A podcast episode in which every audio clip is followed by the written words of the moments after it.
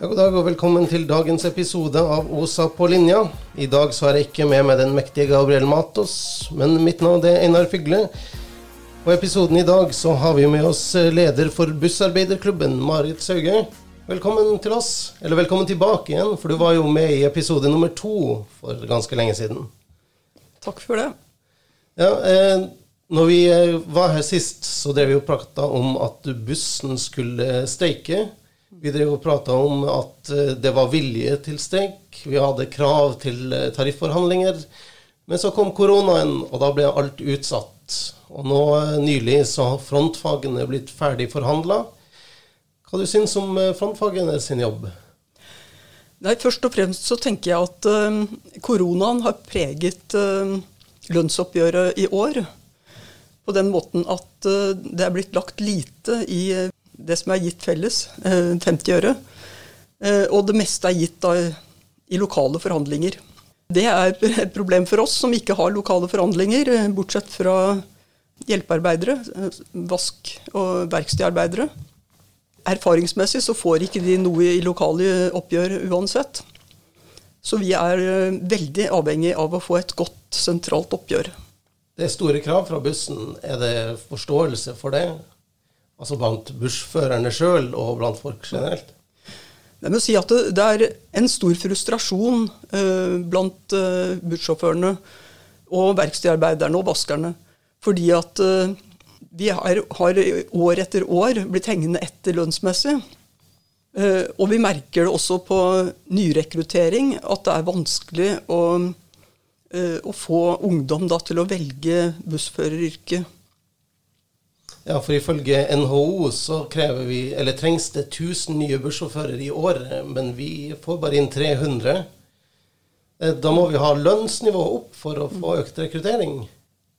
Det er helt opplagt at eh, lønn betyr mye når eh, unge mennesker skal velge fag, eller velge yrke. Uh, ungdommen i dag de kan velge mellom industrifag og sjåførfag. Eh, de går på samme skole og snakker med hverandre, og de spør etter lønn. Eh, og da blir det veldig tydelig for dem at eh, bussjåføryrket ikke er veldig attraktivt lønnsmessig. Både, både, når det gjelder lønn og når det gjelder pensjon. Industriarbeiderlønn, det er det vi vil opp på, ikke det? De er blitt lovet sånn bortimot industriarbeiderlønn, tilnærmet industriarbeiderlønn, i mer enn 20 år. Ehm, og det er blitt ehm, gjentatt i flere oppgjør eh, at det er målet. Bl.a. i 2006 og 2012 så ble dette protokollført. Men eh, løftet er aldri blitt eh, innfridd, og vi er blitt hengende mer og mer etter og ligger nå på 91,2 av industriarbeiderlønn. Hvem, hvem, er det sin feil at, ikke, at det ikke blir fulgt opp? Er det LO det står på, eller hvem er det? Vi må nok eh, satse sterkere på at eh, det kan bli streik. Vi må ha en eh, vilje til å streike for at motparten skal forstå at vi mener alvor.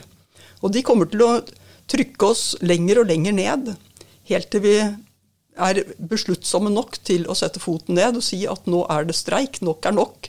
Nå har de holdt på lenge nok med oss og trykke oss ned lønnsmessig. Nå er det stopp. Er det kommunene i Norge, eller er det liksom private bussene som, eller busselskapene som eh, styrer det lønnsnivået? Jeg skal være litt forsiktig med å si hvem det er eh, som har eh, skylda i gåseøynene. Dette året så mm, er jeg privilegert til å få være med i forhandlingene. og Da kan jeg kanskje danne meg et inntrykk selv av hvor problemene ligger. Vi vet jo at det er flere forbund som skal forhandle. Det er fire forbund, og, og to eh, arbeidsgiverorganisasjoner. Så det er klart at det er mange stemmer som eh, skal høres.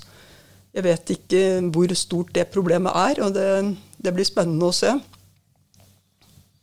Eh, streikevåpenet er jo det sterkeste våpenet vi har. Er det over hele linja vilje til streik, eller er det altså vi som er det? Jeg tror ikke det blir umulig, eller at det blir veldig vanskelig å få, få i gang en streik i år. Fordi avstanden er blitt så stor. Eh, jeg får så mange spørsmål fra folk om eh, hva vi får i lønn i år. Så jeg tror ikke det er eh, vanskelig å få, altså få med, medhold i at vi må sette i gang en streik for å få til dette. Ja, nå er Det jo sånn at det å være bussjåfør, akkurat som å være T-banefører eller trikkefører eller sykepleier, det er samfunnskritiske jobber. Det betyr jo at vi får kanskje større forståelse i befolkningen generelt om at her er det behov for et løft. Ja, Der er du inne på noe veldig sentralt. Uh, vi merket jo godt det i under stengingen av eh, de fleste funksjoner i landet at eh, det ble umulig å, å stenge ned kollektivtrafikken. Eh, sykehus og kollektivtrafikk, der var vel det som Og varehandelen, selvfølgelig. Det var de samfunnskritiske oppgavene som det var umulig å stenge ned. Selv skolene kunne jo stenges ned, og det var det vel neppe noen som hadde trodd. Så nå må vi få en forståelse for at vi faktisk driver en samfunnskritisk oppgave. Eh, samfunnet er helt avhengig av at vi har dyktige sjåfører. Sjåfører som kan kjøre trygt, som de kan stole på, som forstår det samfunnet vi lever i, og som kan kommunisere med folk, og som kan reagere når, når noe går galt. Det må være ansvarsfulle mennesker som, som, er eh, opptatt av den jobben de gjør, og som er eh, dedikert til den. Ja, Når det kommer til rekruttering og sånn i bussfaget, så er det jo sånn at det er veldig vanskelig å få altså folk som kommer fra Norge til å bli bussjåfører. Altså folk som kan det norske føre- og værforhold, og som i f.eks. en nødsituasjon kan evakuere bussen og prate til de ansatte. Eh, det rekrutteres jo ganske mye bussjåfører fra andre land i verden. Ja, vi er vel enige at for å liksom, få flere nordmenn til å søke, så må lønnsnivået opp. Eh, er det mye krav i tariffen som vil eh, øke rekrutteringen utover bare lønn? Det er helt opplagt at vi må kunne sammenligne oss med industrien. For det er det som er alternativet for unge mennesker. Når det gjelder altså arbeidskraft som blir hentet fra andre land, så er det jo mye usikkerhet om hva man da får inn. Hvilken erfaring de har, hvilken kjørestil de har. Eh, om de er interessert i å bli i yrket her i landet, eller om de bare shopper rundt. Så det vil bli en mye mindre stabil arbeidskraft. Du jobber jo også med utdanning. Eh, altså yrkessjåfører og lastebilsjåfører. Er det mye forståelse altså for det i lastebilyrket òg?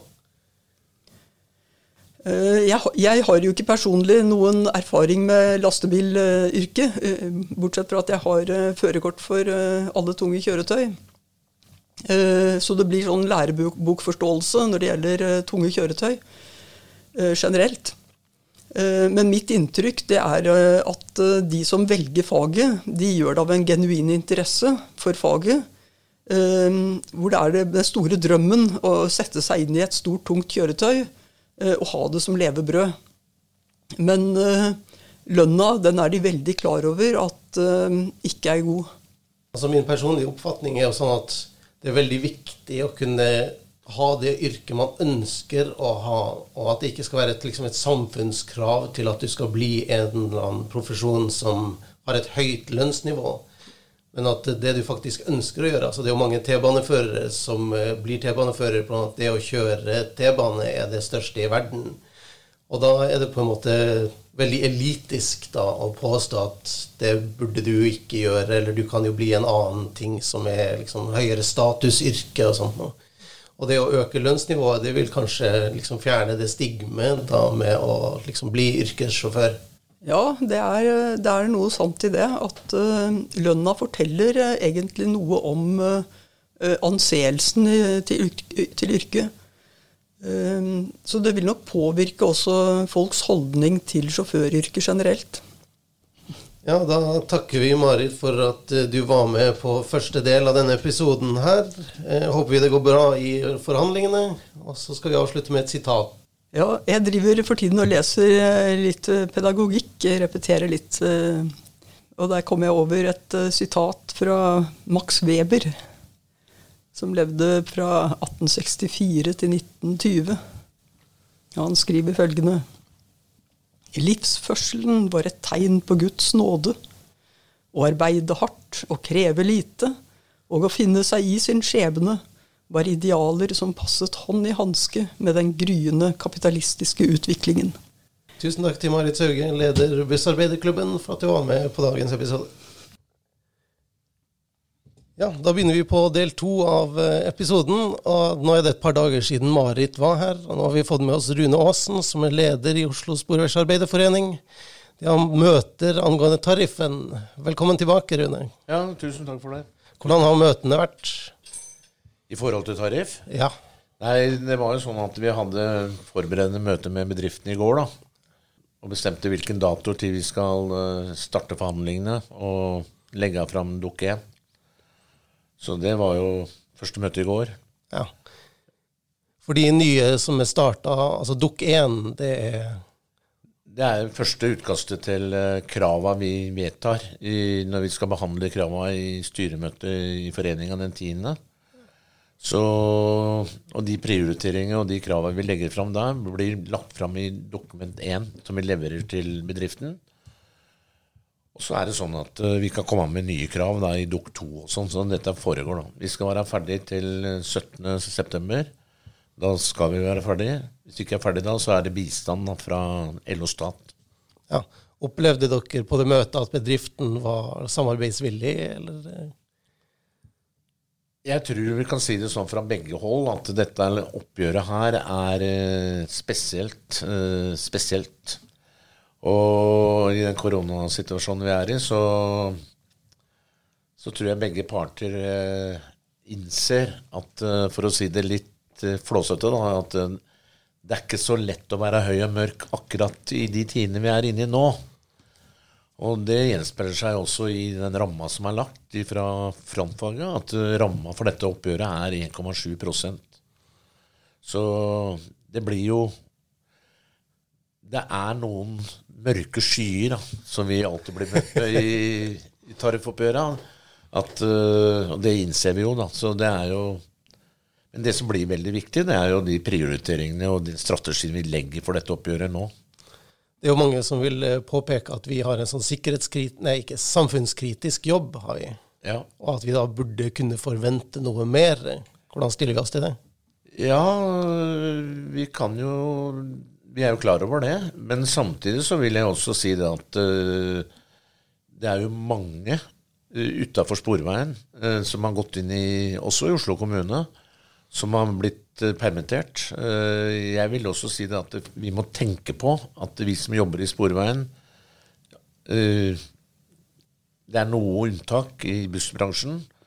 Men eh, ingen har blitt permittert, eh, og, vi har eh, egentlig vært så heldige, for å si det sånn, å slippe, i det. da. Ja, altså når det kommer til Marit Sauge, som var med i første del eh, Det er veldig virker som streikevilje hos de, men så er det jo fire fagforeninger. Hvordan stiller vi oss til det? Nei, Innen bussbransjen Ja. så, så er det jo klart at uh, de ligger jo langt under industriarbeideren gjennomsnittlig lønn.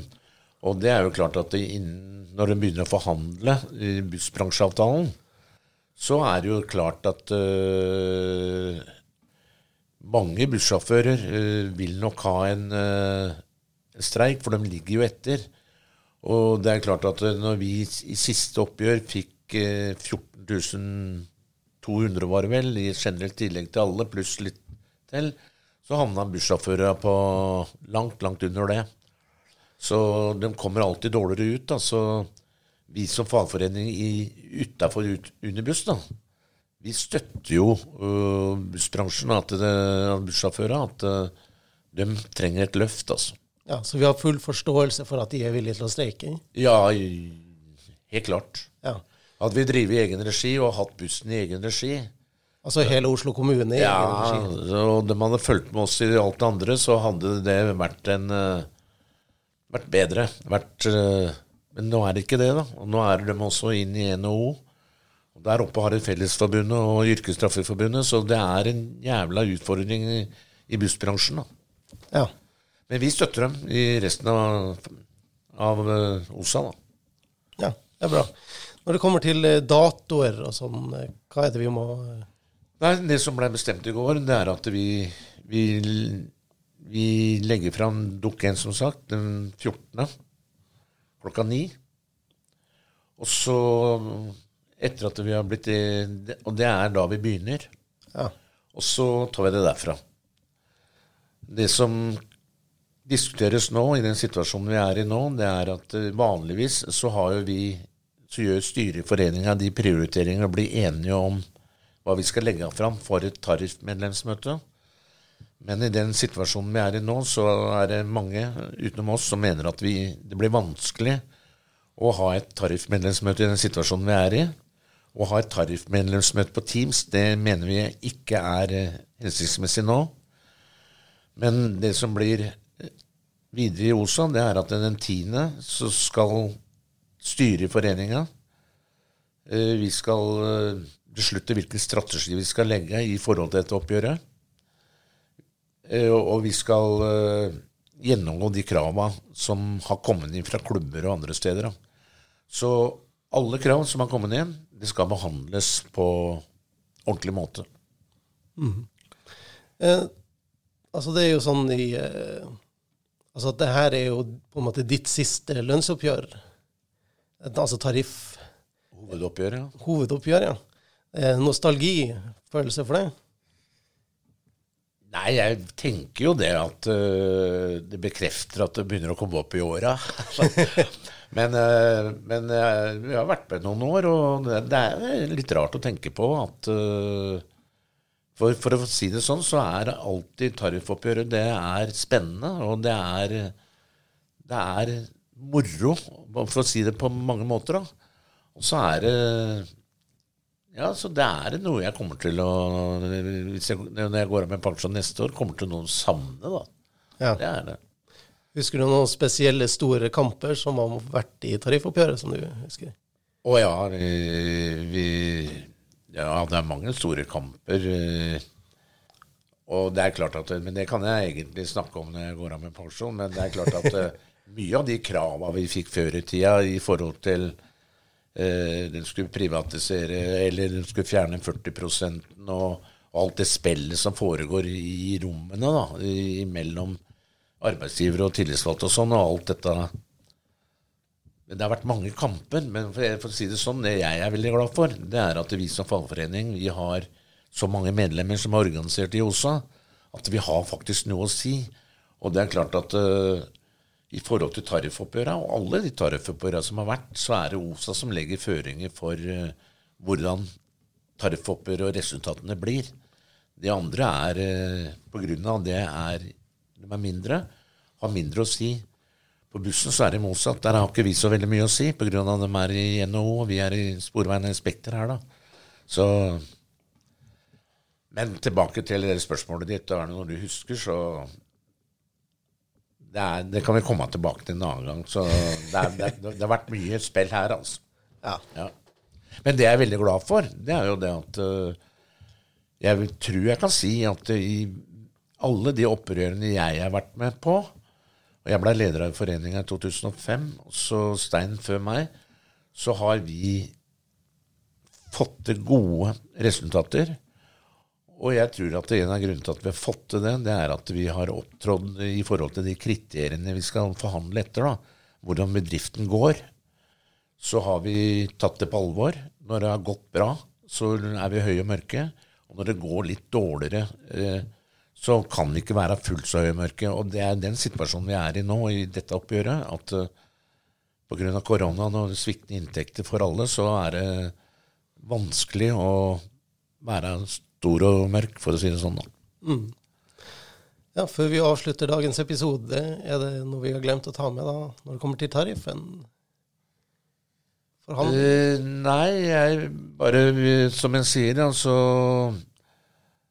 Så jeg bare, jeg, jeg bare kan nevne da, at i de første Dette er første gangen i de åra jeg har vært med på, at kompetansesenteret i Oslo skal være med i forhandlingsutvalget. Eh, det er første gangen det har skjedd. Og det kan jo være årsak til det. Det kan jo være det at uh, vi skal ha en samordning i forhold til de rammene som er lagt da, på 1,7% Det er første gangen, og det er noe nytt i år. da. Ja, Da får vi liksom vente og se på hva det faktisk betyr, da. Det får vi vente og se på. Da vil jeg gjerne takke Rune Aasen for at du var med på denne episoden her. Eh, mitt navn er Einar Fygle, og da sier jeg til alle de som hører på ja, Det her var Osa på linja. Takk skal dere ha.